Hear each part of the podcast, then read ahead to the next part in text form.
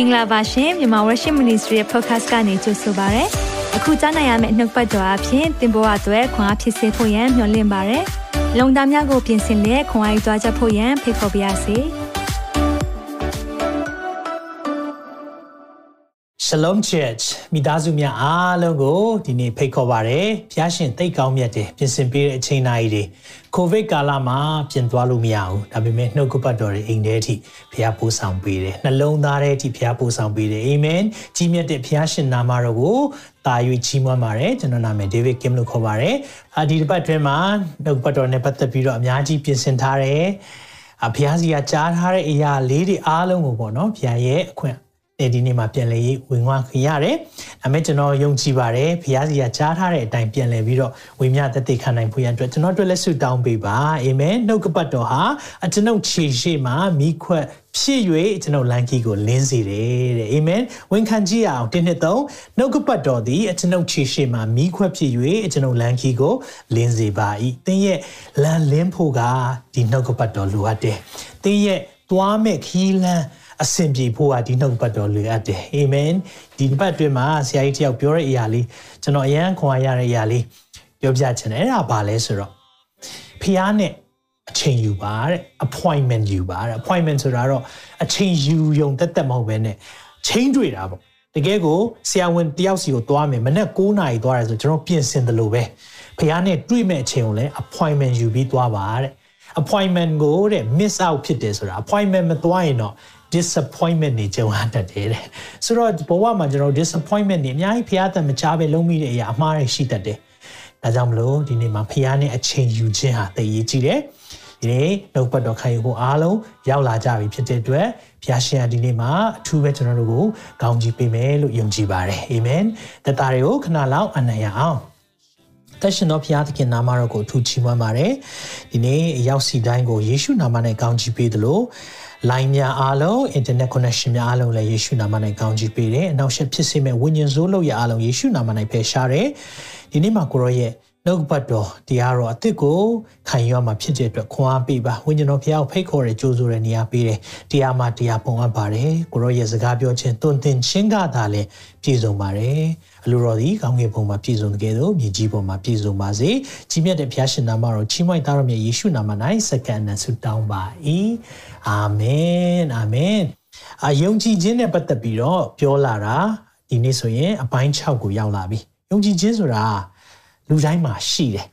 မယုံကြည်သူပဲဖြစ်ဖြစ်ယုံကြည်သူပဲဖြစ်ဖြစ်ယုံကြည်ခြင်းဆိုတဲ့အရာတစ်ခုကတော့ရှိတယ်နောက်ဆုံးပြောမယ်ဆိုရင်ဖះကိုမယုံဘူးဆိုတဲ့ atheist တွေပေါ့နော်ဖះမဲ့ဝါဒသမားတွေတောင်မှ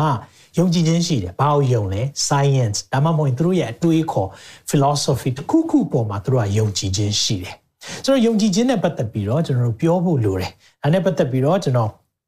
ကြုံခဲ့ရတဲ့အတွေ့အကြုံလေးတစ်ခုပေါ့နော်အရင်ဆုံးအဲ့ဒါလေးပြောပြချင်တယ်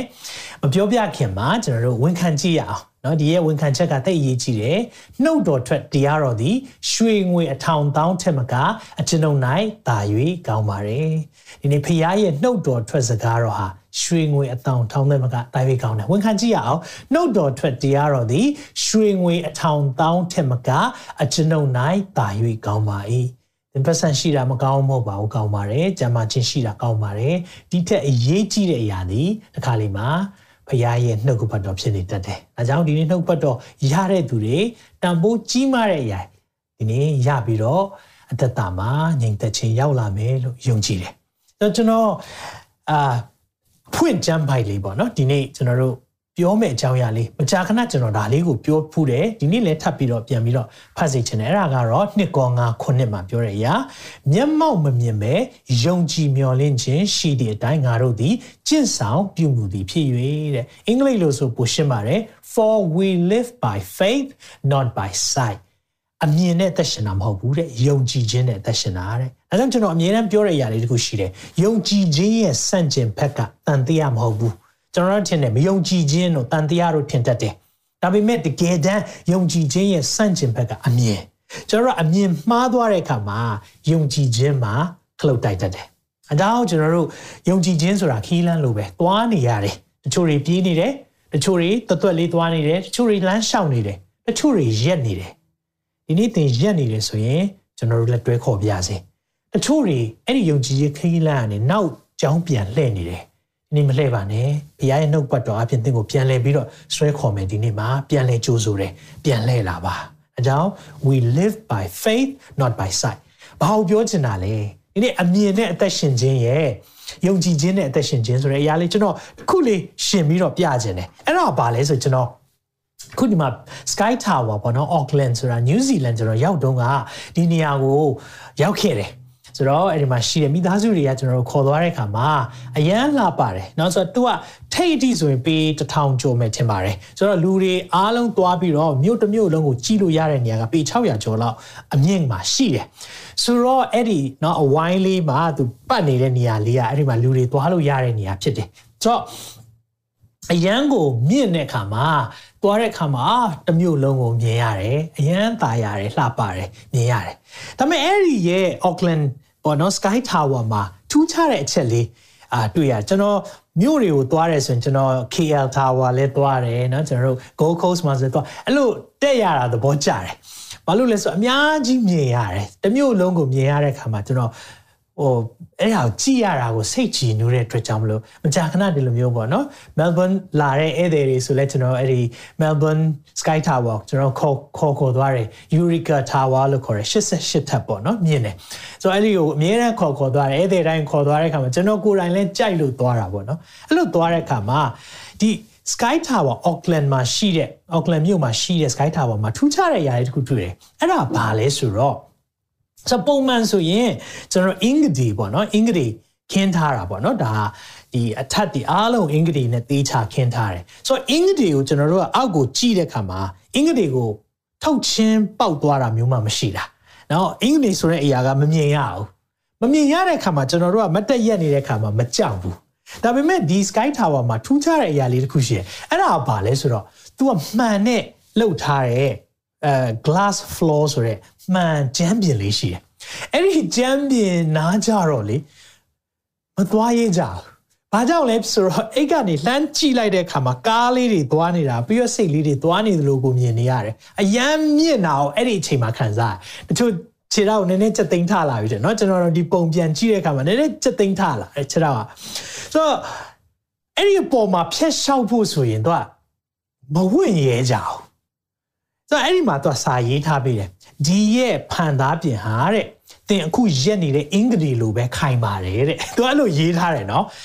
38မီလီမီတာအထူရှိပါတယ်တဲ့ခိုင်ပါတယ်တဲ့ဘလောက်ပဲခိုင်နေပြောပြောအဲ့ဒီပုံမှာသွားဖို့ကြတော့လူတော်တော်များများမသွားရဘူးအဲ့ဒီနေ့မှာလည်းကျွန်တော်တို့သွားတဲ့5 6ယောက်မှာမသွားရဲကြဘူးဘယ်သူမှကျွန်တော်လည်းအဲ့ဒီပုံမှာသွားဖို့အချိန်ချင်းစူးစမ်းရမှာခြေတော့အရန်ကိုအသေးရလာပြီးတော့ဗောနော်ဖြစ်တယ်ဒါပေမဲ့မဖြစ်ဘူး we live by faith not by sight ဆိုတာအဲ့ဒီမှာကောင်းကောင်းလေးမြင်သွားမျက်မှောက်နဲ့ကျွန်တော်တို့သွားတဲ့အခါမှာကျွန်တော်ခြေလမ်းတွေတုံဆိုင်တတ်တယ်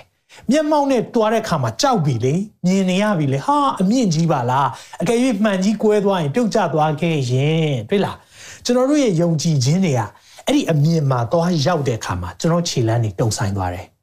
ဒါပေမဲ့ယုံကြည်ခြင်း faith ဆိုတဲ့အရာက တအားအရေးကြီးတယ်နော်တခါလေကိုမြင်နေတဲ့အရာကိုစန့်ကျင်ပြီးတော့သွားရတယ်အဲ့ဒီအချိန်မှာလဲဟုတ်ပြီကျွန်တော်သွားမယ်ဆိုပြီးတော့လုံးဝအရေးစွန်ပြီးတော့နင်းထည့်လိုက်တဲ့ခါမှာဘာမှမဖြစ်ဘူးအားနဲ့ဟာတစ်ခေါက်ဖြတ်သွားတဲ့ခါမှာသွားရေးလာတယ်ဆိုတော့အဲ့ဒီနေကအောင်အောင်မြင်မြင်နဲ့ပဲအဲ့ဒီမှန်မှန်ခင်းထားတဲ့နေရာကိုဖြတ်ကျော်သွားနိုင်တယ်ဆိုတော့အဲ့ဒီမှာကျွန်တော်ကိုယုံကြည်ခြင်းသင်ခန်းစာလေးတစ်ခုရလိုက်တယ်ယုံကြည်ခြင်းဟာအမြင်နဲ့သွားလို့မရဘူး ယုံကြည်ခြင်းခြေလမ်းဆိုတာတကယ်ယုံကြည်ခြင်းနဲ့ပဲသွားလို့ရတယ်ဒါကြောင့်ကျွန်တော်တို့ရဲ့အသက်ရှင်ခြင်းဟာအမြင်နဲ့သွားလို့မရဘူးယုံကြည်ခြင်းနဲ့ပဲသွားလို့ရတယ်ဆိုတော့ဒါကြောင့်လူတိုင်းမှာတော့ယုံကြည်ခြင်းရှိတယ်ဆိုတာသိကြတယ်ယုံကြည်ခြင်းရှိကြတယ်နော်ဆိုတော့အခုကျွန်တော်တို့ဓာတ်လေကားစီးတယ်ဆိုရင်ယုံကြည်ခြင်းရှိဖို့လိုတယ်ဆိုတော့ဒီလိုက်ဓာတ်လေကားကျွန်တော်ကိုအပေါ်အောက်ပို့ပေးမယ်လုံလုံချုံချုံကြိုးတွေပါတယ်မပြတ်သွားပဲမပြုတ်ကျပဲ ပို့ပေးနိုင်တယ်ဆိုတော့ယုံကြည်ချက်တစ်ခုသင်မှာရှိတယ်အဲအတင်မောစီးတာပဲဖြစ်ဖြစ်ယထာစီးတာပဲဖြစ်ဖြစ်လင်းပြန်စီးတာသူဖြစ်ဆိုရင်ကားလိုင်းကားစီးတာပဲဖြစ်ဖြစ်ဒီရဲ့နော်ယင်တွေကကျွန်တော်တို့ကိုကာကွယ်ပေးနိုင်တယ်ဆိုတော့ယုံကြည်ချက်တစ်ခုတော့ရှိတယ်ဖျားတိတာမတိတာအပထားကျွန်တော်တို့ကယုံကြည်ခြင်းနဲ့အသက်ရှင်နေရတယ်ဆိုတာကိုပုံဖော်ချင်တာဖြစ်တယ်ဆိုတော့အတွေးခေါ်ပညာရှင်တယောက်ကဘာပြောဘူးလဲဆိုတော့သူကတော့ William James လို့ခေါ်တယ်သူကစိတ် စိတ်ပိုင်းဆိုင်ရာပညာရှင်လည်းဖြစ်တယ်တွေးခေါ်ပညာရှင်လည်းဖြစ်တယ် so faith is one of the forces by which men live and the total absence of it means collapse ပြောချင်တဲ့ဒိတ်ပဲကနေ့စဉ်အသက်ရှင်ဖို့လိုအပ်တဲ့အရာတွေထဲမှာယုံကြည်ခြင်းလဲပါတယ်တဲ့မရှိဘူးဆိုရင်တော့လုံးဝပြိုလဲသွားပြီတဲ့ဆိုတော့ကျွန်တော်တို့နော်ကိုမောင်းတဲ့ကာ break အုပ်လိုက်ရင် break မိမယ်ဆိုတာယုံကြည်ချက်ထားလို့ break ပေါ်မှာဒါကြောင့်မလို့ကျွန်တော်တို့ကအဲ့ဒီကာကိုမောင်းရတာ အကယ်၍ break မိမမိမသေးချဘူးဆိုကျွန်တော်မစီးရတော့ဘူးယုံကြည်ချက်မရှိတော့ဘူးဒါကြောင့်ယုံကြည်ခြင်းဆိုတဲ့အရာတအားရေးကြည့်တယ်ဆိုတော့ကျွန်တော်စင်ကာပူရောက်တဲ့ခါမှာကျွန်တော် taxi သမားတွေ့တော့ကျွန်တော်အဲ့လိုလူတွေတွေ့ရင်တော့သပင်ညက်တဲ့လူပဲဖြစ်ဖြစ်ကျွန်တော်အများနဲ့အင်္ဂလိပ် hall လေးရှိတာပေါ့နော်ဖះကိုယုံလားစသဖြင့်ပြောတဲ့ခါမှာ तू ကပြောတယ် I'm a free thinker တဲ့ပြောချင်တဲ့သူက तू ဖះမယုံဘူးလို့ပြောတာ तू လွတ်လွတ်လပ်လပ်ပဲတွေးခေါ်တဲ့သူဖြစ်တယ်တဲ့အဲ့လိုပြောတဲ့ခါမှာကျွန်တော်လည်း သူဘာဆက်ပြောရမလဲပေါ့စဉ်းစားတဲ့ခါမှာနင်အခုမောင်းတဲ့ကာ break out လိုက်မယ်ဆို break မိမယ်လို့ယုံလားလို့ပြောတော့ယုံတယ်သူဖျားမယုံဘူးလို့သူကပြောတာဆိုတော့ဘာကြောင့်ယုံတာလဲနင်အခုမောင်းတဲ့ကာဘိန်းတွေပါတယ်တာယာတွေကွဲထွက်မသွားဘဲနဲ့လိုရာခီးရောက်မယ်လို့ဘယ်လိုယုံတာဆိုငါ service လုပ်ထားတယ်တဲ့ငါဆက်သေးချပြင်ထားတယ် workshop မှာသေးချပြထားတယ်တဲ့ဒါကြောင့်မလို့ဒီကားကလုံခြုံစိတ်ချမှုရှိတယ်လို့ယုံကြည်တယ်တဲ့ အဲ့ဒီမှာကျွန်တော်သူ့ကိုပြောလိုက်တယ်မင်းယုံကြည်ချက်မရှိတာမဟုတ်ဘူးလို့ယုံကြည်ချက်ရှိတယ်လို့ဘယ်နေရာမှာထားတယ်လဲပုံမှာမူတည်တယ်လို့ဒါကြောင့်ဒီနေ့မှာဒီຢာလေးကိုပြောပြချင်တယ်လူတိုင်းမှာယုံကြည်ခြင်းဆိုတာရှိတယ်ဒါပေမဲ့မေခွန်းကအဲ့ဒီယုံကြည်ခြင်းကိုဘယ်နေရာမှာပုံအပ်ထားတယ်လဲဘသူထံမှာပုံအပ်ထားတယ်လဲဆိုတာအရေးကြီးတယ်ပြန်ပြောမယ်နော်ယုံကြည်ခြင်းတစ်မှာရှိတယ်ဒါပေမဲ့အဲ့ဒီယုံကြည်ခြင်းကိုဘယ်နေရာမှာထားတယ်လဲ ဘသူ့အပေါ်မှာထားတယ်လဲဆိုတာအရေးကြီးတယ်တချို့ကသူတို့ရဲ့ယုံကြည်ခြင်းကိုဘဏ်ပေါ်မှာထားတယ်ငွေကြေးပေါ်မှာကျွန်တော်ကြုံဘူးတယ်နော်ကျွန်တော်အဲနှစ်ပေါင်းများစွာတော့မြန်မာနိုင်ငံမှာဘဏ်တွေပြတ်သွားတယ်ဆိုတော့ငွေကြေးတွေအများကြီးကျွန်တော်တို့ဆုံးရှုံးသွားတဲ့လူတွေအများကြီးရှိတယ်ကျွန်တော်တို့ယုံကြည်ချက်ကိုထားတဲ့အရာကတစ်ခါလေမှာတကယ်တမ်းယုံကြည်စိတ်ချလို့မရတဲ့အရာတွေဖြစ်တတ်တယ်။ အဲကြောင့်မလို့တစ်ခါလေကျွန်တော်တို့တအားယုံကြည်ရတဲ့သူတွေပုံမှာပြောမိတဲ့စကားတစ်ခွန်းရှိပါလိမ့်မယ်။နော်ရင်ဖွင့်မိတာရှိပါလိမ့်မယ်။အဲ့ဒီကတော့တခြားလူတွေရှောက်ပြောတဲ့ခါမှာဟာငါနင့်ကိုယုံလို့ပြောထားမိတာ။ဘာကြောင့်သူများကိုပြောလဲ။တွေ့လား။ကျွန်တော်တို့ကယုံကြည်ချက် faith ဆိုတဲ့အရာရှိတယ်။ဒါပေမဲ့အဲ့ဒါကိုဘယ်နေရာမှာထားသလဲ။မိတ်ဆွေဒီနေ့ဘယ်မှာထားသလဲ။အကြောင်းဒီနေ့နှုတ်ကပတ်တော်ခေါင်းစဉ်ကိုကျွန်တော်ကဒီလိုပေးထားပါတယ်စစ်မှန်သောယုံကြည်ခြင်းစစ်မှန်သောယုံကြည်ခြင်းယုံကြည်ခြင်းဆိုတာ ရှိတယ်ဒါပေမဲ့စစ်မှန်သလားမစစ်မှန်ဘူးလားအဲ့ဒီယုံကြည်ခြင်းဟာဘယ်ပေါ်မှာမူတည်သလဲဒါကိုကျွန်တော်တို့အဖြေရှာဖို့ဖြစ်တယ် authentic faith authentic ဖြစ်တယ်လို့ပြောတဲ့အခါမှာတကယ်ကိုစစ်မှန်တယ်စစ်မှန်တဲ့အရာစစ်မှန်တဲ့ယုံကြည်ခြင်းလို့ပြောတဲ့အခါမှာမစစ်မှန်တဲ့အရာရှိလားရှိတာပေါ့အတူအယောင်ယုံကြည်ခြင်းရှိလားရှိတာပေါ့ဒါကြောင့်မလို့ဒီနေ့မှာအဲ့ဒီစစ်မှန်တဲ့ယုံကြည်ခြင်းဆိုတာဘာလဲစစ်မှန်တဲ့ယုံကြည်သောသူကဘယ်လိုမျိုးတွေကြုံတွေ့ရမလဲ စစ်မှန်တဲ့ယုံကြည်ခြင်းကဘယ်လိုမျိုးအဆင့်တွေဖြတ်ကျော်ရမလဲဒီအရာကိုကျွန်တော်တို့တွေလေ့လာသွားရအောင်ဒါကြောင့်နှုတ်ပတ်တော်ကိုကျွန်တော်ဒံယေလအနာဂတ်ကြီးတဲ့ခန်းကြီး၃အကြောင်းကိုပြောပြချင်တယ် Shadrach Meshach Abednego နော်ဒီ၃ယောက်ကယူဒလူဆိုတာဂျူးလူမျိုးတွေဖြစ်တယ်သူတို့ကအဲ့ဒီအချိန်မှာဘယ်မှာသူတို့ကအမှုထမ်းနေရလဲဆိုတော့ဘာဘူးလုံနိုင်ငံဘာဘူးလုံနိုင်ငံဆိုတာကအာ ကမ္ဘာပေါ်မှာအင်အားအကြီးမားဆုံးနိုင်ငံဖြစ်ခဲ့တဲ့နိုင်ငံတစ်ခုဖြစ်တယ်နော်သူကမ္ဘာကိုအုပ်ချုပ်ခဲ့တဲ့နိုင်ငံဖြစ်တယ်ဘာဘူးလုံနိုင်ငံရဲ့ဘုရင်ကနေဘုခနေစာနော်ဆိုတော့ဘာဘူးလုံရဲတိုက်ရဘာဘူးလုံနိုင်ငံကြီးကအရန်ကိုအင်အားကြီးတဲ့အခါမှာ Israel နော် Israel ဆိုတဲ့အခုကျွန်တော်တို့ယူရာပီ Israel နိုင်ငံအားလုံးသူတို့ကသိမ့်ပိုက်လိုက်ပြီးတော့တော်တဲ့ထက်မြက်တဲ့ လူတွေအားလုံးခေါ်သွားတယ်အိဆာလို့ခေါ်တာပေါ့နော်အိဆာဆိုတာပီပီကနေပါတော်မူသွားတာပေါ့အားလုံးခေါ်ချသွားတယ်အဲ့ဒီမှာတိုင်းတစ်ပါးသားမှာသူတို့ကအလုပ်လုပ်ရတယ်နေထိုင်ရတယ်အဲ့ဒီကာလပေါ့နော်ဆိုတော့အဲ့ဒီမှာနိဗုခနေစာကသူကအယံကိုတကူကြီးတယ်နော်တိုင်းနိုင်ငံအများကြီးကိုသူကသိမ့်ပိုက်ထားတယ်ဆိုတော့တည့်ရမှာသူကအိမ်မက်မက်တယ်အိမ်မက်မက်တဲ့ခါမှာ အသူအိမ်မက်ကိုအ내အတိတ်ပဲပြန်စီခြင်းတဲ့ခါမှာပညာရှိတွေအားလုံးကိုခေါ်လိုက်တယ်ခေါ်ပြီးတော့ကဲငါအိမ်မက်ကိုအ내အတိတ်ပဲပြန်ဆိုဟုတ်ပြီပြန်ပေးမယ်အရှင်ဘုရားဒါဆိုအိမ်မက်ကိုပြောပါဆိုမဟုတ်ဘူးအိမ်မက်ကိုလည်းပြောရမယ်အ내အတိတ်ပဲလည်းပြန်ရမယ်မဟုတ်ဘူးကိုတော့အိမ်မက်ကိုပြောပြပါအ내အတိတ်ပဲပြန်မယ်မဟုတ်ဘူးအိမ်မက်လည်းမင်းတို့ပြောရမယ်အ내အတိတ်ပဲလည်းပြန်ရမယ်ဘသူကလုံနိုင်မှာလဲ အဲ့ဒါပြောကြတယ်ခါတလဲလူဆိုအဲ့ကပညာရှင်တွေကဒီလိုမျိုးလုံနိုင်မဲ့သူတယောက်မှရှိမှာမဟုတ်ဘူးဒါဆိုအကုန်လုံးမင်းတို့ကိုတတ်မယ်အဲ့လိုတတ်မယ်လုပ်တဲ့ခါမှာဒန်ယေလာဆိုတဲ့လူငယ်လေးကမဟုတ်သေးဘူးကျွန်တော်ဖះကိုဆူတောင်းပါမယ်ဖះကတတ်ဆွမ်းနိုင်တယ်ဆိုတာယုံကြည်တယ်အဲ့ဒီမှာသူရဲ့အိမ်မက်ကိုပြောလိုက်တယ်အနက်ဒိတ်ပဲလည်းပြောလိုက်တယ်ဟာဒန်ယေလကိုးကွယ်တဲ့ဖះတကယ်ကြီးမြတ်တယ်ဒီဘုခနေစာဝန်ခံသွားတယ်ဆိုတော့အဲ့ဒီအဖြစ်ပြက်ဖြစ်ပြီးတော့ ကျန်းစာလေ့လာတဲ့သူတွေရဲ့အဆိုရဆိုရင်တော့အခုဖြစ်တဲ့အဖြစ်ပြက်ဖြစ်လာတယ်နှစ်ပေါင်း20လောက်ကြာတယ်လို့တော့ပြောတယ်ဆိုတော့ရှာဒရက်မီရှက်အဘက်ဒနီဂေါဆိုတဲ့တငယ်ချင်း3ယောက်သူကဒန်ယေလနဲ့နော်4ယောက်ဖြစ်တယ်ဒါပေမဲ့အဲ့ဒီအချိန်တော့ဒန်ယေလကိုမတွေ့ရအောင်တချို့လည်းမေးတယ်ဆရာဒန်ယေလအဲ့အချိန်မှာဘယ်ရောက်နေလဲဖြစ်နိုင်ခြေများတာကျန်းစာတွေကတော့တိကျမပြောထားဘူးဒါပေမဲ့ဖြစ်နိုင်ခြေများတာဒန်ယေလကိုမင်းမှုကိစ္စတစ်ခုခုနဲ့နော် အဲတာဝန်ထမ်းဆောင်ဖို့ရန်ခီးလွန်နေတာမျိုးဖြစ်ကောင်းဖြစ်နိုင်တယ်လို့ commentary တစ်ခုမှာဖတ်ရတယ်။ဘာကြောင့်လဲဆိုတော့ဒီအဖြစ်ပြက်ဒန်ယေလရှိနေတယ်ဆိုရင်ဖြစ်မှာမဟုတ်ဘူးပေါ့။ဒါပေမဲ့ဒီအဖြစ်ပြက်ဖြစ်သွားတယ်။ဖြစ်သွားတဲ့အခါမှာဘာလုပ်လဲဆိုတော့နိဗုခနေစာကသူကနော်ဒန်ယေလကိုးကွယ်တဲ့ဖရားတကိုးကြီးတယ်ဆိုတာသိပေမဲ့အချိန်ကာလကြာတဲ့အခါမှာလူကသူ့ရဲ့နှလုံးသားအစစ်မှန်ကိုပြတယ်။ဘာတီထောင်ချင်တာလဲ one world religion one world government ဘာသာတစ်ခုတည်းဖြစ်ရမယ်အစိုးရအဖွဲ့တစ်ခုတည်းဖြစ်ရမယ်ရုပ်တုကြီးကြီးရွှေရုပ်ကြီးလုပ်တယ်လုပ်ပြီးတော့အဲ့ဒီရုပ်တုကိုကိုးကွယ်ရမယ် music တီးမယ် music တီးတဲ့အခါမှာအကုန်လုံးကဒီရဲ့ရုပ်တုရှေ့မှာပြက်ဝတ်ပြီးတော့ကိုးကွယ်ရမယ်အမိန်ထုတ်လိုက်တယ်အကြောင်းဒီနေ့မှာဒီຢာလေးကိုလေ့လာတဲ့အခါမှာစစ်မှန်သောယုံကြည်ခြင်းဟာ ဘယ်လိုမျိုးရင်ဆိုင်ရသလဲအခုပတ်တော့ねကျွန်တော်တို့ချိန်ထိုးကြည့်အောင်ဒိုင်လာအနာဂတ်ကြီးတဲ့အဲဒိုင်လာအနာဂတ်ကြီးချန်ခန်းကြီး3ထဲမှာဒီအကြောင်းအရာကိုကျွန်တော်တို့တွေ့ရတယ်အဲ့ဒီမှာဒီဘုခနေစာရွှေရုပ်တုလုပ်မယ်ကိုးကွယ်ပါမကိုးကွယ်တဲ့သူမီးလောင်တဲ့မီးဖိုတွေကိုချပစ်မယ်တဲ့အဲ့ဒါကိုအသီးသီးဘာသာစကားပြောတော်လူမျိုးဆိုသူ့လက်အောက်မှာရှိတဲ့တိုင်းနိုင်ငံအားလုံးကိုပြောလိုက်တယ် one world religion ဒါ prophetic meaning ဆိုတာက နောက်ပိုင်းဖြစ်လာမယ့်အရာကိုလည်းပုံဖော်တယ်။တစ်ချိန်မှာဖြစ်လာတော့မယ်။ one world government ကိုကျွန်တော်တို့အခုချိန်မှာဖြစ်လာဖို့ရန်အတွက်အများကြီးစိုင်းပြနေပြီ။ prophecy update ကြရင်အကြောင်းတွေအများကြီးထပ်ပြီးပြောပြသွားမယ်။ဆိုတော့ဒီရဲ့အခြေအနေကိုယုံကြည်သူတွေကြုံရလိမ့်မယ်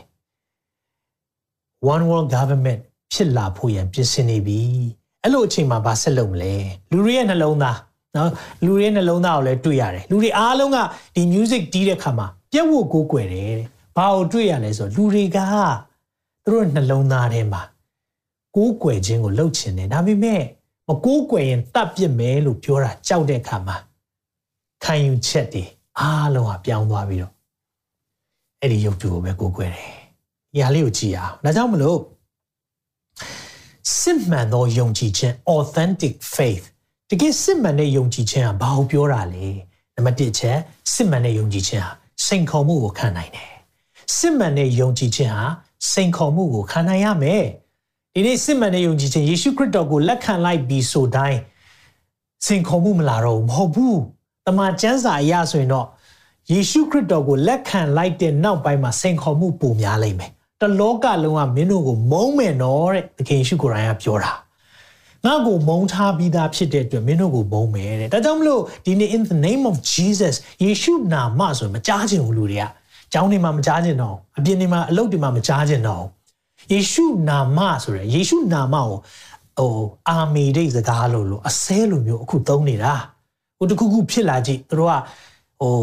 ဘယ်လိုပြောမလဲစိတ်ထဲကစိတ်တူတဲ့အကြောင်းအရာကိုဖွင့်ပြောခြင်းတယ်ဆိုရင်ယေရှုနာမကိုသုံးတယ်ကြည့်အောင်ဒါတော့ ဆဲတဲ့စကားအနေနဲ့သုံးတာ။ဘာကြောင့်လဲ။ကဘာလုံးကဒီနာမကိုမုန်းလိုက်မယ်တဲ့။အဲကြောင့်စစ်မှန်သောယုံကြည်သူတဲစစ်မှန်သောယုံကြည်သူတယောက်ဖြစ်တယ်ဆိုရင်မဖြစ်မနေကြုံရမှာကတင်းရဲ့ယုံကြည်ခြင်းကိုစိန်ခေါ်မှုကြုံရနိုင်မယ်။တင်းရဲ့ယုံကြည်ချက်ကိုလာဆန်းတဲ့အရာကြုံရနိုင်မယ်။အဲ့ဒီမှာရှာဒရက်မေရှက်အဘက်ဒနီဂေါဆိုတဲ့၃ယောက်ကဘာပြောရလဲ။ကြုံလာပြီခါမှာ no မဖြစ်ဘူး။ အဲ့ဒီမှာမကိုးကွယ်အဲ့ဒီရဲ့ရုပ်ထုကိုမကိုးကွယ်တဲ့အခါမှာသွားတိုင်တဲ့အဖွဲ့ကလည်းရှိတယ်တကယ်တော့အဲ့ဒီမှာခါတလဲဆရာတွေဆိုတာတကယ်တော့ဒန်ရီလာကြောင့်အသက်ချမ်းသာရတဲ့ပညာရှင်တွေပဲလွန်ခဲ့တဲ့နှစ်ပေါင်း20လောက်တုန်းကသူတို့အဲ့ဒီအိမ်မက်အနက်အတိတ်ပဲမပြန်နိုင်တော့တပ်ပစ်ပဲလို့ပြောတဲ့ချိန်တော့ဒိုင်ရင်လာနဲ့တငယ်ချင်းတွေကကယ်ထားဖူးတဲ့သူတွေလူတွေရဲ့နှလုံးသားကိုပြောပါတယ်။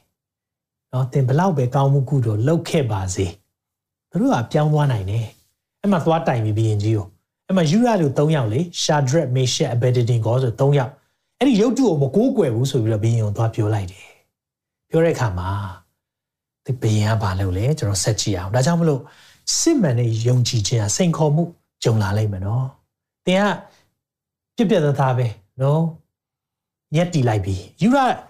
ဒီယူရလူ၃ယောက်ကလည်းရက်တီလိုက်ပြီ။သူတို့သိတယ်ငါမတပါအခြားသောဖျားအောင်ကိုးကွယ်ရ။ဘုရားရဲ့နှုတ်တော်ထွက်စကားကိုသူတို့သိတယ်။ရုပ်တုစင်တုကိုကို့ဖို့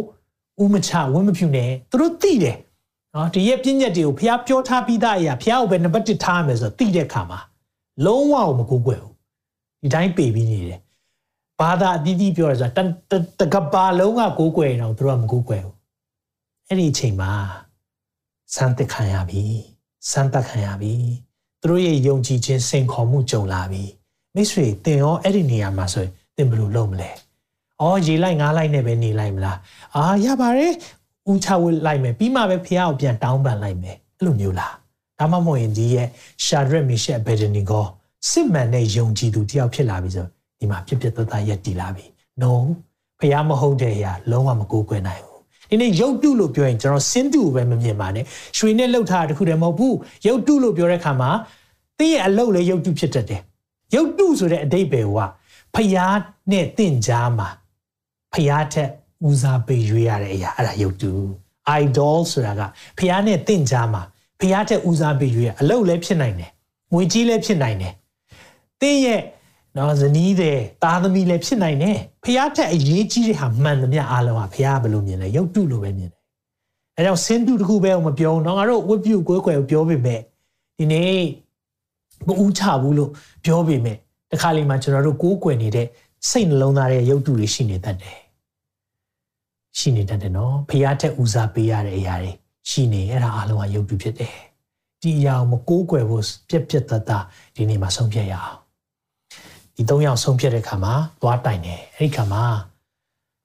ခေါ်လိုက်ခေါ်လိုက်နေဘုခနေစာမင်းကြီးအရန်သောတာထွက်တယ်ကဲဒီ၃ယောက်မကိုးကွယ်ဟုတ်လား music ပြန်တီးမယ်ကိုးကွယ်ပါမကိုးကွယ်ရင်မီးလောင်တဲ့မီးဖိုတွေကိုချမယ်နော်ပြောပြီနော်အသက်အန္တရာယ်ရှိလာပြီအဲ့ဒီမှာ तू ပြောတဲ့စကားလေးတကောကျွန်တော် highlight လုပ်ထားပေးတယ်ငွေ15မှာငါဤလက်မှကဲလွတ်နိုင်သောဖခင်ကအဘေဖခင်ရှိသည် ငါလက်ကလွတ်နိုင်တဲ့ဖះပဲဖះရှိမလဲတဲ့စိန်ခေါ်ပြီနော်ကြည်အောင်သူ့ရဲ့မာနတွေသူ့ရဲ့ဖြစ်တည်ချက်ကြီးအားလုံးပြလာပြီသူပဲပြီးခဲ့တဲ့အချိန်တွေတော့ဒိုင်ရင်လာတို့ကိုးကွယ်တဲ့ဖះလောက်ကြီးမြတ်တဲ့ဖះမရှိဘူးတဲ့ဒီနေ့သက်ရှင်တဲ့ဖះအကြောင်းကိုသူသိတယ်ဒါပေမဲ့နှလုံးသားယူရူတွေရဲ့နှလုံးသားကိုပြတယ်အဲ့မှာပြတယ်ငါလက်ကလွတ်နိုင်တဲ့သူမရှိဘူးအဲ့လိုပြောတဲ့အခါမှာနံပါတ်1ချက်စစ်မှန်တဲ့ယုံကြည်ခြင်း စစ်မှန်တဲ့ယုံကြည်သူတယောက်ဖြစ်ပြီဆိုရင်ခံစားချက်နဲ့မသွားနဲ့ခံယူချက်နဲ့သွားပါပြောကြည့်ပါဦးခံစားချက်နဲ့မသွားနဲ့ခံယူချက်နဲ့သွားပါ hallelujah we are not based on feeling but on firm foundation ဒီနေ့ခံယူချက်လို့ပြောတဲ့အခါမှာ ခိုင်မာတဲ့ယက်တီချက်ကြောက်တီးဟုတဲ့ခရစ်တော်ပေါ်မှာယက်တီဖို့လိုတယ်ဟာလေလုယာဒီမှာမှကျွန်တော်တို့ရဲ့စစ်မှန်တဲ့ယုံကြည်ခြင်းခံစားချက်ကိုသာအမိပြုမယ်ဆိုရင်မိတ်ဆွေသွားပြီဒီအချိန်မှာဆိုဘယ်လိုလုပ်မလဲဟာငါတို့အားလုံးကတော့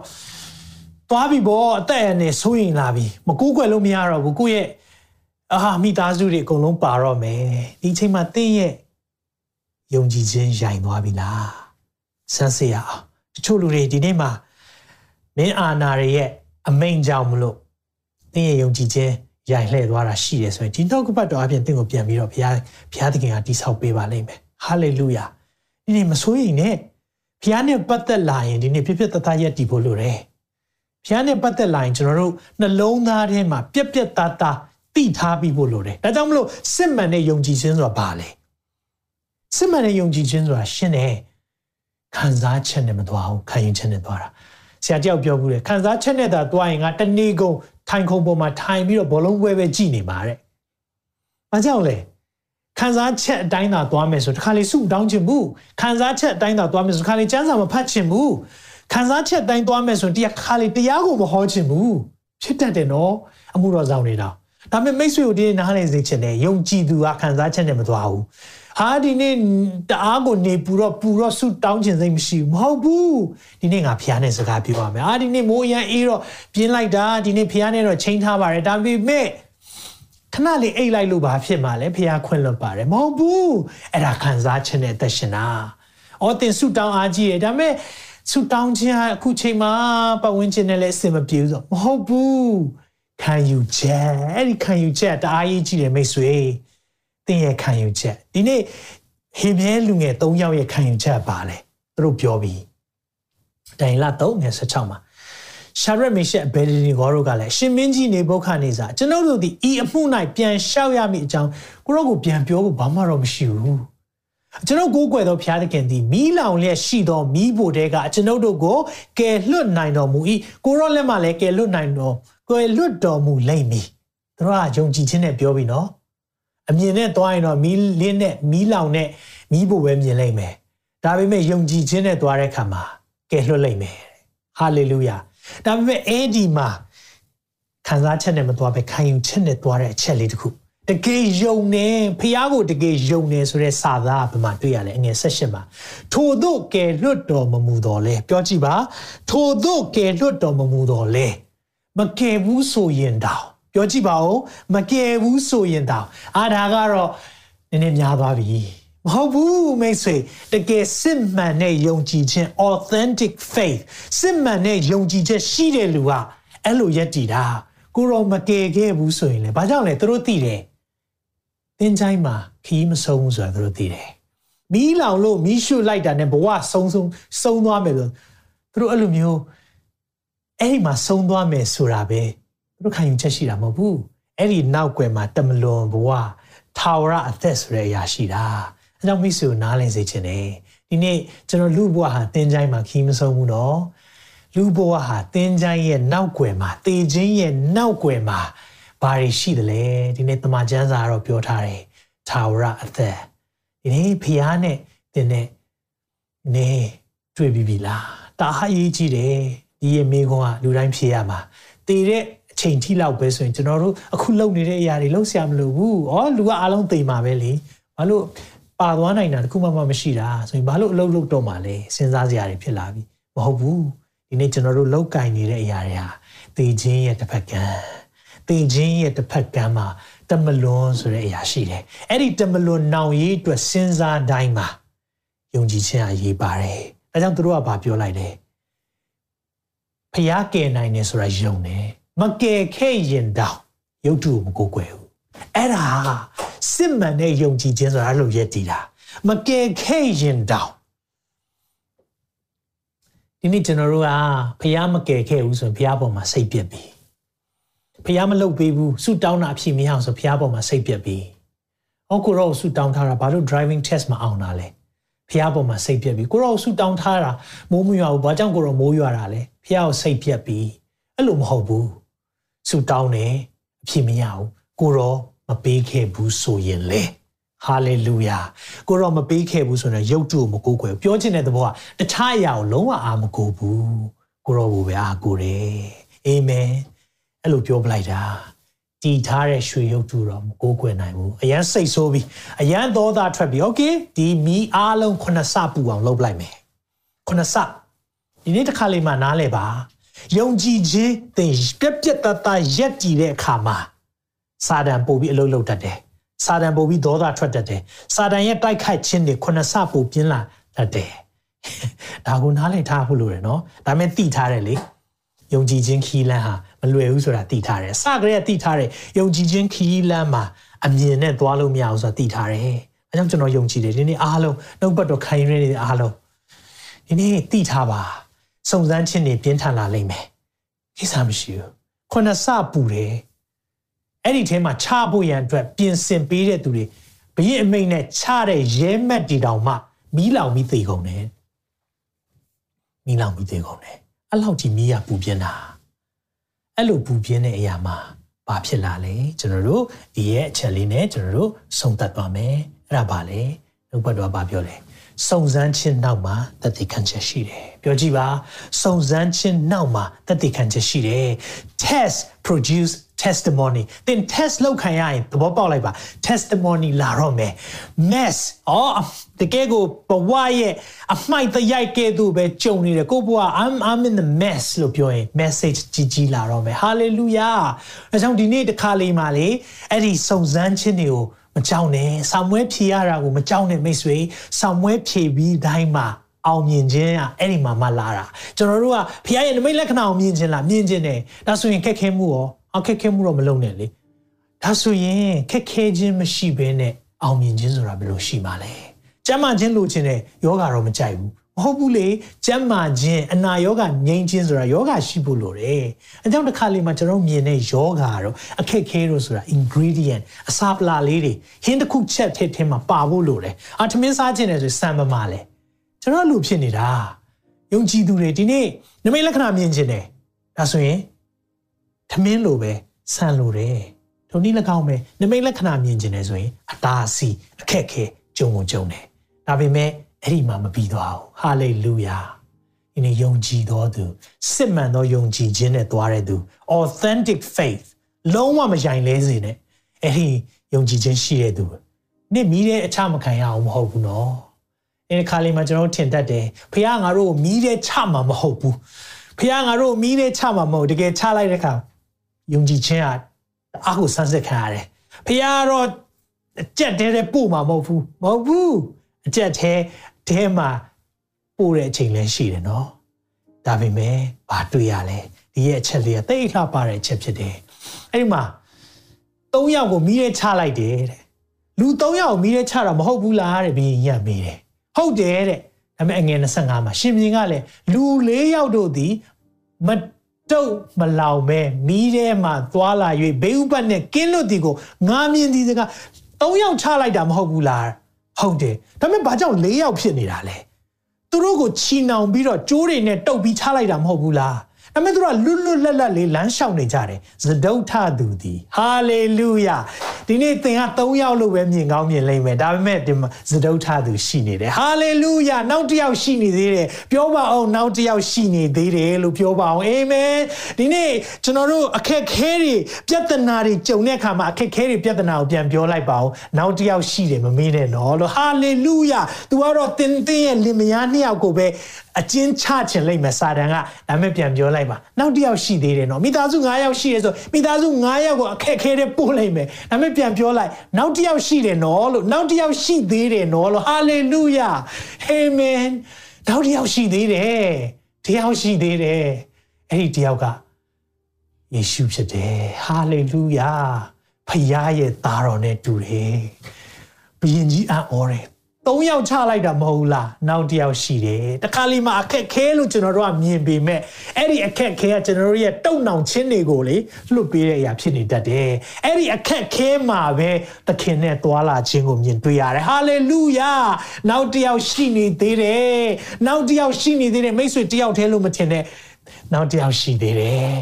တင်ခက်ခဲတွေအားလုံးဘယ်သူမှနားမလည်ဘူးဆရာသမားတွေလည်းနားမလည်ဘူးမိဘတွေလည်းနားမလည်ဘူးလို့တင်ထင်နေနောက်တယောက်ရှိသေးတယ်အဲ့ဒီတယောက်ကိုအားကိုးကြည့်လိုက်ပါတင်းရဲ့အခက်ခဲတွေကြားထဲမှာတင်းရဲ့ချီနှောင်ခြင်းတွေကိုလွတ်မြောက်ခြင်းပေးနိုင်တယ်အဲ့ဒီရဲ့မီးရှံနေလို့တင်မြင်ပေမဲ့အဲ့ဒီမီးတွေကတင်းရဲ့ချီနှောင်ထားတဲ့ကြိုးတွေကိုလောင်သွားစေလိမ့်မယ်ဟာလေလုယာ တစ်ချိန်တည်းမှာပဲသင်တက်သေးရသွားလိမ့်မယ်အဲ့ဒီ test ကနေ testimony ရလာတယ်တက်သေးရသွားတယ်ဗာလေသခင်ကလမ်းရှောင်နေတယ်အိုးတခါလေးမှကျွန်တော်တို့အခက်ခဲကြုံရတဲ့အကြက်တဲကြုံတဲ့အချိန်မှာပဲသခင်ရဲ့အတူပါရှိခြင်းကိုပိုခံစားရတာမိထဲမကြခင်တော့၃ယောက်ပဲမိထဲကြတဲ့အချိန်မှာ၄ယောက်ဟာလေလုယာအခက်ခဲမရှိခင်တော့ကတော့ကိုပဲဒါပေမဲ့အခက်ခဲတကယ်ကြုံတဲ့အခါမှာ၂ယောက်ဖြစ်သွားတယ်နောက်တစ်ယောက်ရှိတယ် မိတ်ဆွေစစ်မှန်တဲ့ယုံကြည်ခြင်းဆိုတာလေအဲ့ဒါကိုပြောတာဟာလေလုယာဒါဆိုပြန်ခေါ်လိုက်ပြန်ခေါ်လိုက်ဒီ၃ယောက်ပဲပြန်ခေါ်လိုက်ကြည်လိုက်အောင်မယ်စပင်ခူးမှတော့မလောင်ဘူးအဝတ်လည်းဘာမှမဖြစ်ဘူးမီးလောင်နဲ့အနက်တော့မရဘူးတဲ့ဟာလေလုယာဖျားတူပါရှိတယ်အေမာနွေလာဖျား ငါတို့နဲ့အတူရှိတော်မူသောဖျားပြောကြည့်ပါဦးအေမာနွေလဖျားငါတို့နဲ့အတူရှိတယ်ဒီနေ့လောကမှာဆင်းရဲဒုက္ခကြုံရမယ်တဲ့ဖျားအပြက်ပြောပြီးသားနော် you will face tribulation နော် tribulation ဆင်းရဲခြင်းတွေကြုံရလိမ့်မယ်ယုံကြည်သူဖြစ်လို့ဆင်းရဲခြင်းမကြုံရတော့မဟုတ်ဘူးဒီဖျားကိုကိုးကွယ်လိုက်လို့အားအားလုံးအဆင်ပြေသွားမှာမဟုတ်ဘူးဆင်းရဲဒုက္ခကိုကြုံမယ်ဒါပေမဲ့နောက်တစ်ကြောင်းရှိတယ် သို့တော်လည်းမစိုးရိမ်နဲ့ငါဒီလောကကိုအောင်ပြီဟာလေလုယာဖခင်ပြောပြီးသားငါလောကကိုအောင်ပြီသားဒီရဲ့ဆင်းရဲခက်ခဲခြင်းတွေခဏတာဖျက်ရလိမ့်မယ်ဒါပေမဲ့သင်ယုံကြည်ခြင်းမယိုင်လဲသွားစေပဲနိအာမင်သင်ရဲ့ယုံကြည်ခြင်းစစ်မှန်တဲ့ authentic ဖြစ်နေဖို့လိုရတယ်ဟာလေလုယာစစ်မှန်တဲ့ authentic ဖြစ်တဲ့သူဟာဒီနေ့မှာယုံကြည်ခြင်းစစ်မှန်တဲ့ယုံကြည်ခြင်းစိန်ခေါ်မှုကြုံရတယ်နော်အဲ့ဒီစစ်မှန်တဲ့ယုံကြည်ခြင်းမှာ test လုပ်ခံရလိမ့်မယ်ဒီနေ့ဘာကြောင့်လဲ test မလုပ်တဲ့အရာစိတ်ချလို့မရဘူးဒီကားကိုမစစ်ဆေးထားဘူးဆိုဒီကားကိုစီးဖို့ခက်ခဲတယ်ဒီလေရင်ပြန်တော့မစစ်ဆေးထားဘူးဆိုဒီလေရင်ကိုပြန်ဖို့ကျွန်တော်တို့မစီးရဘူး test လုပ်ထားရတယ်အဲကြောင့်မိတ်ဆွေဒီနေ့တင့်ရဲ့ယုံကြည်ခြင်းကိုစမ်းစစ်ခံရပြီလားဒီနေ့ပြန်ပြီးတော့ဆင်ခြင်ရအောင်။တင်းရဲ့ယုံကြည်ခြင်းစမ်းစစ်ခံရရင်စိတ်မပြတ်နဲ့။တင်းရဲ့ယုံကြည်ခြင်းကိုဖခင်စမ်းစစ်တယ်နော်။စမ်းစစ်တယ်။ စမ်းစစ်တယ်အာဗြဟံကိုလည်းယုံကြည်ခြင်းဖခင်ဆိုတဲ့ခေါင်းစဉ်ကြီးအဲ့ဒီရဲ့ title ကြီးမပေးခင်မှာအကြီးမားဆုံးသူ့ရဲ့တူဒီတော်သားပြန်ခေါ်တယ်။ပေးနိုင်လားလို့စမ်းတယ်။နေတင်ကိုနားလဲစေခြင်းတယ်။ဘုရားကအမြဲတမ်းဆောင်ဝင်ဖြည့်ခိုင်းတတ်တဲ့ယုံကြည်ခြင်းမှာအဲ့လိုဖြည့်ခိုင်းတဲ့အချိန်မှာနားလဲပါ test produce testimony ဒီရဲ့စုံစမ်းခြင်းတွေရဲ့နောက်မှာသက်သေရလာလိမ့်မယ် တချို့လူတွေသက်သေခံချက်အများကြီးရှိတယ်ဘာကြောင့်လဲစုံစမ်းခြင်းလည်းအများကြီးကြုံရလို့ခါလေးမှာကိုယ်မှာသက်သေခံချက်မရှိဘူးဆိုရင်တကယ်စိုးရိမ်စရာနော်ဘာကြောင့်လဲတင်းမှာသက်သေမရှိဘူးဒါကြောင့်မကြောက်နဲ့အခုမြန်မာနိုင်ငံရဲ့အခြေအနေနိုင်ငံရေးချစ်ချုံကြတယ်ကြီးမားသောနမိတ်လက္ခဏာလာတော့မယ်ယုံကြည်တယ်ယုံကြည်တယ်ဟာလေလုယာယုံကြည်တယ်ယုံကြည်တယ်ဒီနေ့ယူဒလူငယ်၃ယောက်ကြီးမားသော စုံစမ်းခြင်းတွေခံလိုက်ရတယ်။ဒါပေမဲ့အံ့အားသင့်စရာနောက်တစ်ယောက်ရှိနေတယ်။ဟာလေလုယာနောက်တစ်ယောက်ရှိနေတဲ့အခါမှာပြန်ခေါ်တဲ့ပြန်ခေါ်တဲ့အခါမှာ ရှာဒရမေရှက်ဘယ်နီဂိုရဲ့ဖျားသခင်မင်္ဂလာရှိတော်မူပါစေသောဟာလေလုယာဝန်ခံရပြီဖျားသခင်မင်္ဂလာရှိတော်မူစေတည်းတဲ့နေပုတ်ခနေစာမင်းလောကကြီးမှာအာနာအရှိဆုံးပုဂ္ဂိုလ်လို့အဲ့ဒီအချိန်တုန်းကသိထားတဲ့သူကပြောရပြီရှာဒရမေရှက်ဘယ်နီဂိုရဲ့ဖျားသခင်မင်္ဂလာရှိစေတော်မူတည်းအခြားသောဖျားကိုဝိပုကိုကွယ်ခြင်းနဲ့ကင်းလို့မိကြောင်းဖျားသခင်ကိုယုံကြည်ကိုးစား၍မင်းကြီးအမိန်တော်ကိုစံ၍မိမိတို့ကိုကိုပင်အနံ့သောကျွန်တော်ရင်းတို့ရှိရသောထိုဘုရားသခင်ဒီကောင်းကင်တမန်ကိုဆေလို့ရကဲတင်တော်မူကြည်ဘုရားကယ်ပြီလို့သူပြောပြီသူဝန်ခံပြီအဲ့ဒီမှာသူပြောလိုက်တယ် အရရက်မှာဘာသာစကားအမျိုးမျိုးပြောတဲ့သူအားလုံးကိုပြောလိုက်ပြီးရှာဒရက်မေရှက်အဘယ်ဒနီဂေါရရဲ့ဖျားသခင်အားပြစ်မှားသောစကားကိုပြောလင်ထိုသူကိုအပိုင်းပိုင်းစင်းစေသူ၏အိမ်ကိုလည်းနောက်ချေးပုံဖြစ်စေဟုငါအမိန်ရှိအကြောင်းမူကားထိုမြလောက်တော့ကယ်တင်ခြင်းကိုထိုဖျားသခင်မှတပါအဘယ်ဖျားမှမပြုတ်နိုင်ဟာလေလုယာဝန်ခံရတယ်ဒီနေ့ပတ်ဝန်းကျင်ကဝန်ခံရမယ်ဘယ်အချိန်မှလဲစစ်မှန်သောယုံကြည်ခြင်းနဲ့ယက်တည်ရင်ပတ်ဝန်းကျင်ကဝန်ခံရလိမ့်မယ်ဟာလေလုယာဖျားမဲ့တွေကဝန်ခံရလိမ့်မယ်အာမင်သင်ကိုနှိပ်စက်ညှဉ်းပန်းတဲ့သူတွေကဝန်ခံလိမ့်မယ်ခုနပဲ तू ကမီးတဲ့ချတာခုနစတောင်တိုးပြီးတတ်ဖို့လုပ်တာဒါပေမဲ့နောက်ဆုံး तू ပြန်ဝင်ခံရတယ်ရှာဒရက်မီရှက်အဘယ်ဒနီကိုကိုးကွယ်တဲ့ဖခင်လောက်ကြီးတဲ့ဖခင်မရှိဘူးဟာလေလုယာဝင်ခံရတယ်အဲကြောင့်မိတ်ဆွေကျွန်တော်ယုံကြည်တယ်တင်းရဲ့အသက်တာအဖြစ်ဖခင်ဘုန်းတော်ထင်ရှားမယ်တင်းပတ်ဝန်းကျင်မှာတင်းရဲ့ယုံကြည်ခြင်းကိုကြည်ပြီးတော့လူတွေအံ့ဩရလိမ့်မယ်ဟာလေလုယာ ယေရှုတောင်းတဲ့အရာတိုင်းပြည့်စုံမှခြင်းမပြည့်စုံလိမ့်မယ်။အမေတခုနားလဲလိုက်ပါခတ်သိမ်းသောအရာကြိုးပြုလိမ့်မယ်။ဖခင်ဘုန်းတော်ထင်ရှားလာလိမ့်မယ်။အာမင်။အဲကြောင့်ယုံကြည်ခြင်းဆိုတာဘာလဲ။ယုံကြည်ခြင်းဆိုတာ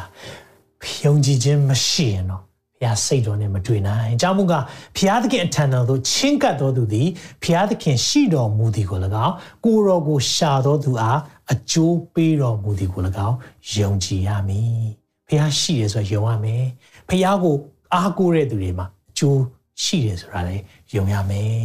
မိတ်ဆွေဒီနေ့ခွာပေးခြင်းနဲ့သင်ရဲ့ယုံကြည်ခြင်းဘယ်အရာပေါ်မှာသွားထားလဲသင်ယုံကြည်ခြင်းရှိတယ်ရှိတယ်ဒါပေမဲ့ကျွန်တော်ကျွန်တော်မိခွန်းဟာသင်ရဲ့ယုံကြည်ခြင်းဟာဒီနေ့လောကရဲ့ပြတ်သုံးသွားတဲ့အရာတွေပေါ်မှာမူတည်နေလားဒါမှမဟုတ်ရင်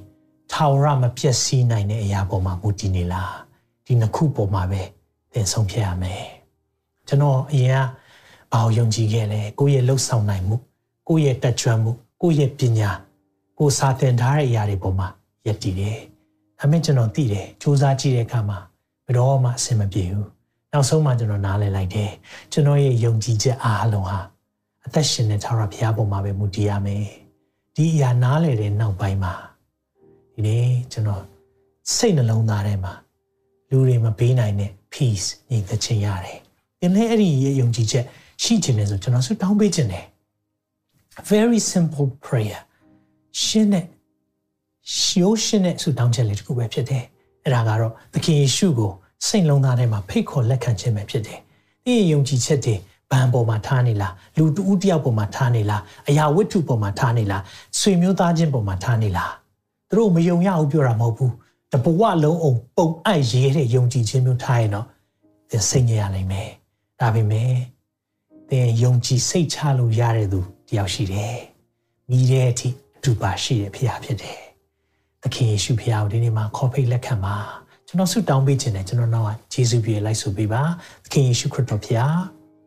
ကျွန်တော်ဟာအဖြစ်သားဖြစ်ပါတယ်ဒီကနေ့မှာအဖြစ်အားလုံးအတွက်ဝင်ချတောင်းပန်ပါတယ်ကျွန်တော်ရဲ့ယုံကြည်မှုအားလုံးကိုလည်းလောကအရာမှာထားရတဲ့ ကရောထံမှာအနံပါတယ်ကိုရောကျွန်တော်ဘဝကိုအုပ်ဆိုပါဒီနေ့ကစပြီးတော့ကိုရောနဲ့ရှောက်လန်းခြင်းပါတယ်အသက်တာကိုအနံပါတယ်သခင်ယေရှုနာမ၌စက္ကန့်နဲ့ဆုတောင်းပါ၏အာမင်အာမင်မိတ်ဆွေဒီဆုတောင်းချက်ကိုတောင်းတယ်စိတ်လုံးသားတွေကတကယ်ယုံကြည်တယ်ဆိုရင်သင်ရဲ့သက်တာစစ်မှန်သောယုံကြည်သူတယောက်ဖြစ်လာပြီကြိုးဆိုတယ် တခြားတစ်ဖွဲ့ကိုလည်းဆုတောင်းပေးခြင်းတယ်သင်ယုံကြည်ခြင်းနဲ့ခြေနေမျိုးမျိုးကြောင့်ရိုင်နှဲ့တယ်ဆိုရင်ဒီနေ့ခွန်အားပြန်ပေးခြင်းတယ်ဖခင်သင်ကိုဘယ်တော့မှပြစ်မထားဘူးပြစ်ထားတယ်လို့ခံစားရတယ်ဒီမှာပြစ်ထားဘူးမိထဲမှာရောက်နေတယ်လို့ခံစားရင်ဒီနေ့မှာမိထဲမှာအတူပါရှိတယ်ဖခင်ဖြစ်ကြောင်းဒီနေ့ဆုတောင်းပေးခြင်းတယ်သင်ရဲ့ခက်ခဲနေတဲ့အရာတွေယောဂလားသင်ရဲ့ခက်ခဲနေရနိုင်ငံရေးအခြေအနေကြောင့်အလောက်ကန်ပျက်စီးတဲ့အရာတွေလားစီးပွားရေးချွတ်ချုံကြတဲ့အရာတွေလားဘယ်အရာပဲဖြစ်ဖြစ်ဒီနေ့မှာခွန်အားပေးခြင်းတယ် သခင်ရှိတယ်သခင်ကအသက်ရှင်တယ်သင်ကိုတာဝန်ယူတယ်ခဏလောက်ဆုတောင်းပေးပါရစေသက်ရှင်သောထာဝရမြတ်စွာသောဘုရားသခင်ကိုရနာမတော်အားဖြင့်ကျွန်တော်ဤသားစုမောင်နှမများအကိုမများမိဘများအတွက်ဆုတောင်းပေးပါတယ်ယုံကြည်ခြင်းခြေလှမ်းများ series မှာကျွန်တော်တို့ပြန်လည်ရခွာပေးတဲ့အတွက်ကိုရောယေရှုတင်တယ်စစ်မှန်သောယုံကြည်သူတယောက်ဖြစ်လာတဲ့အခါမှာကျွန်တော်တို့စမ်းသပ်ခံရမယ်စုံစမ်းခံရမယ်ဆိုတဲ့အရာလေးဒီနေ့မှာတာ၍နားလည်စေတယ် ကိုရောမိရဲချတဲ့အခါမှာကိုရောကိုအဖြစ်တင်မိပေမဲ့ကိုရောဒီနေ့မှာပြန်လေတောင်းပန်တယ်ကိုရောမိရဲအထိလိုက်ပေးတယ်ဖျားမိရဲအထိအတူပါရှိတယ်ဖျားကိုရောကိုယေရှုတင်တယ်ကိုရောရှိနေသည်ကျွန်တော်တို့ဟာအမြဲလုံးခြုံတဲ့အတွက်ယေရှုတင်တယ်အဲကြောင့်မိသားစုများအတွက်ဆုတောင်းပေးတယ်ကျမ်းမာခြင်းလိုအပ်တဲ့သူများစိတ်နှလုံးသားမှာလွတ်မြောက်ခြင်းလိုအပ်တဲ့သူများဘဝမှာခက်ခဲပြဿနာကြုံနေရတဲ့သူများအတွက်ဆုတောင်းပေးတယ်။ဘုရားရှင်ထံမှလာတော်ညီသက်ခြင်းသူတို့ပေါ်မှာတက်ရောက်ပါစေ။ ကိုရောအတူပါရှိကြောင်းကိုဒီနေ့မှာထပ်ဆင့်ခံစားရသိရှိပါစေ။ကိုရောယေရှုတင်တဲ့စိတ်မသာညှိတွားနေတဲ့သူများမိသားစုဝင်ဆုံးရှုံးတဲ့သူများဘုရားရဲ့နှစ်သိမ့်ခြင်းတက်ရောက်ပါမိကြောင်းလဲဆုတောင်းပေးပါတယ်။ကိုရောသူတို့ပေါ်မှာအမြဲတမ်းဒီနေ့နားလည်စေပါ။တင်ကြိုင်းမှာခီးမဆုံးပါတမလွန်အတွက်စိတ်ချမှုသည်လိုအပ်ကြောင်းတား၍နားလဲစေလို့ယေရှုတင်တယ် ကိုရောကိုဒီနေ့မှာချီးမွမ်းခြင်းဂုဏ်ပြုခြင်းအားလုံးပေးပါတယ်ကိုရောရဲ့လမ်းပြခြင်းအတွက်ယေရှုတင်တယ်ဒီရဲ့ series တွေအားဖြင့်နှုတ်ပတ်တော်တွေအားဖြင့်တာ၍တာ၍ကိုရောကိုယုံကြည်ကိုးစားတတ်ပါမိကြောင်းကျွန်တော်တို့ကိုကိုရောသွန်သင်ပေးပါကျွန်တော်တို့ကိုယုံကြည်ခြင်းကျွန်တော်မယုံကြည်နိုင်တဲ့အရာတွေအားလုံးကိုလည်းဖယ်ရှားပေးပါကိုရောကိုတာ၍ယုံကြည်တာပါမိကြောင်း Lord increase our faith ကျွန်တော်ယုံကြည်ခြင်းကိုတိုးပွားစေပါတတချိန်တိုင်းအားလုံးကိုအနန္တခါမှာတပါးသောသားရမြတ်သခင်ရှုနာမ၌ဆုတောင်းစကန်နံကြပါ၏ပါအာမင်အာမင်သာရဖျားသည်သင်ကိုကောင်းချီးပေး၍ဆောင်မတော်မူပါစေသောသာရဖျားသည်သင်၌မျက်နာတော်အလင်းကိုလွှတ်၍ကိယူနာယေရှုပြုတော်မူပါစေသောသာရဖျားသည်သင်ကိုမျှော်ကြည့်၍ချမ်းသာပေးတော်မူပါစေသောလူတွေရဲ့ချမ်းစည်းမမိနိုင်တဲ့ဖျားရဲ့ညီသက်ခြင်းဝမ်းမြောက်ခြင်းပျော်ရွှင်ခြင်းများ သသင်နဲ့သင်မိသားစုပေါ်မှာတည်ရောက်ပါစေနောက်ထုတ်လွှင့်ချက်မှာပြန်လည်ဆုံတွေ့ပါဦးမယ် God bless you all တင်ခုလိုနာဆင်ခွန်အားနိုင်ခြင်းဟာမြန်မာ Worship Ministry ကိုလာဆင်ပန်ပိုးနေကြတဲ့ Kingdom Partners များအကြောင်းဖြစ်ပါတယ်။ဖျားခင်နိုင်ငံတော်ကျယ်ပြန့်ရေးအတွက်လာဆင်ပေးကမ်းပောင်းဖို့ရန်ဖိတ်ခေါ်လိုပါတယ်ရှင်။